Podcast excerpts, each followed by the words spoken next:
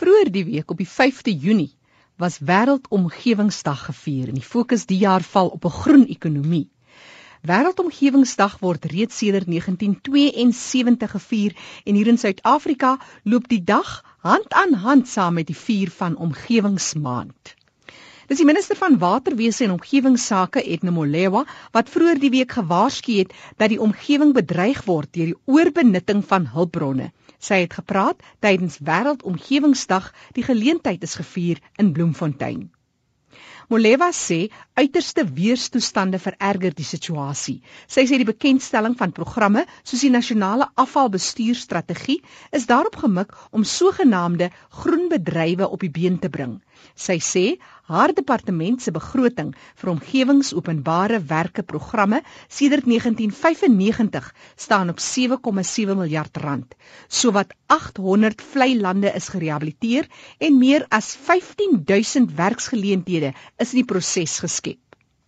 Die regering wil vennootskappe aangaan om 300 000 werkgeleenthede aan die sogenaamde groen ekonomie te skep.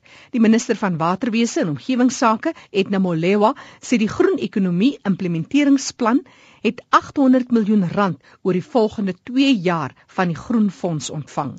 Die departement wil die fondse gebruik om nuwe en bykomende beleggings te lok, om werkskepping te bevorder en om Suid-Afrika op 'n lae koolstofontwikkelingspad te plaas so gepraat van vennootskappe om werkgeleenthede te skep. Ek gesels nou met Jurgen Skooman.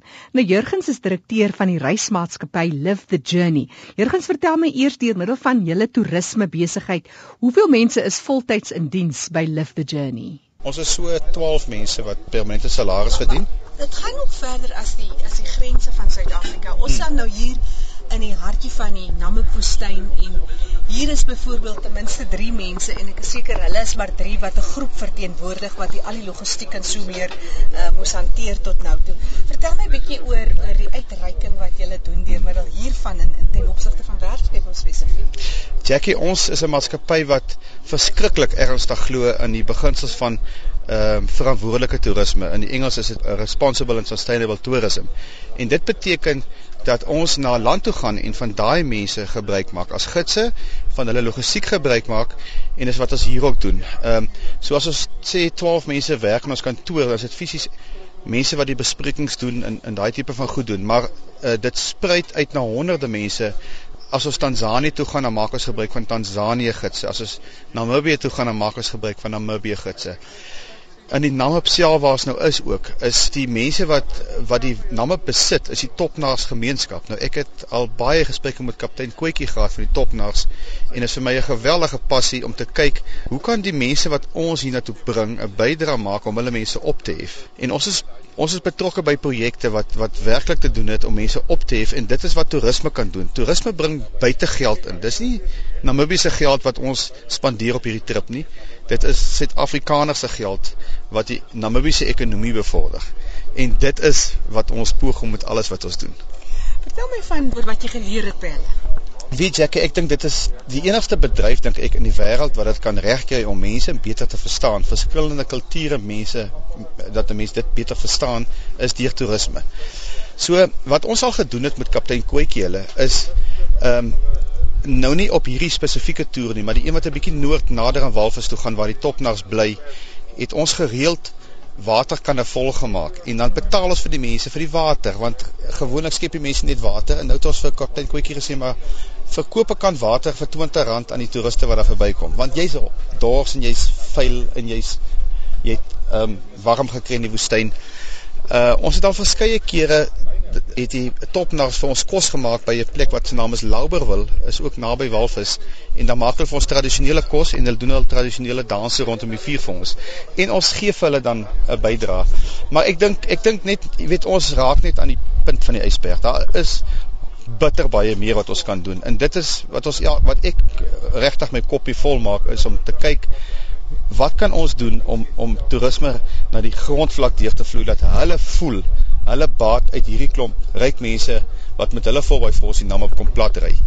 En want dan gaan toerisme werk. As dit nie so gaan wees nie, gaan toerisme nooit werk nie. Die topnaars is die custodians as ek die woord kan gebruik van die Namib. Hulle bly hoofsaaklik teen die Kiesep rivier. Nou die Kiesep rivier mond uit net suid van Walvis Bay. Ehm uh, ek is nie seker hoe groot uh, hulle bevolking nog is nie, maar die kultuur van die topnaars is is maar jy weet is maar baie soos ons Afrikaners se kultuur. Hulle taal is hoofsaaklik Afrikaans, maar hulle praat ook nog Nama. Ehm um, en dit is ook tog baie mooi om te hoor. Een ding wat ek wat ek kan sê oor oor die oor die eetgewoontes miskien van die topnaars, hierdie narraplante wat ons in die woestyn sien en wat ons deesdae uh, hoor mense uitvoer want dit is eetlus dempers. Die hoedia. Die hoedia amper mm. tipe van ding. Ek dink net dieselfde effek as hoedia. Mm. Mm. Hulle gebruik dit om proteïene in te kry. So hulle eet die narra uh, pitte. Kaptein Kootjie as ek by hom kom, gee hy gewoonlik vir my sakkie uh uh narra pitte en en my vrou en kinders is baie lief daarvoor. werk dit? Ja, as jy na my maag kyk, dan werk dit nie, Jackie. maar my vrou sê dit werk. Maar net so ter afsluiting ten opsigte van werkskepping en die hele ding van bemagtiging deur toerisme. Hmm. Wat is dit wat jy sien? Jackie, ons het 'n ons het 'n hele paar gidse wat ons gebruik wat van die topnaars af uh kom. Byvoorbeeld uh nie net topnaars nie, maar ook van die van die Ovambo mense van Namibië.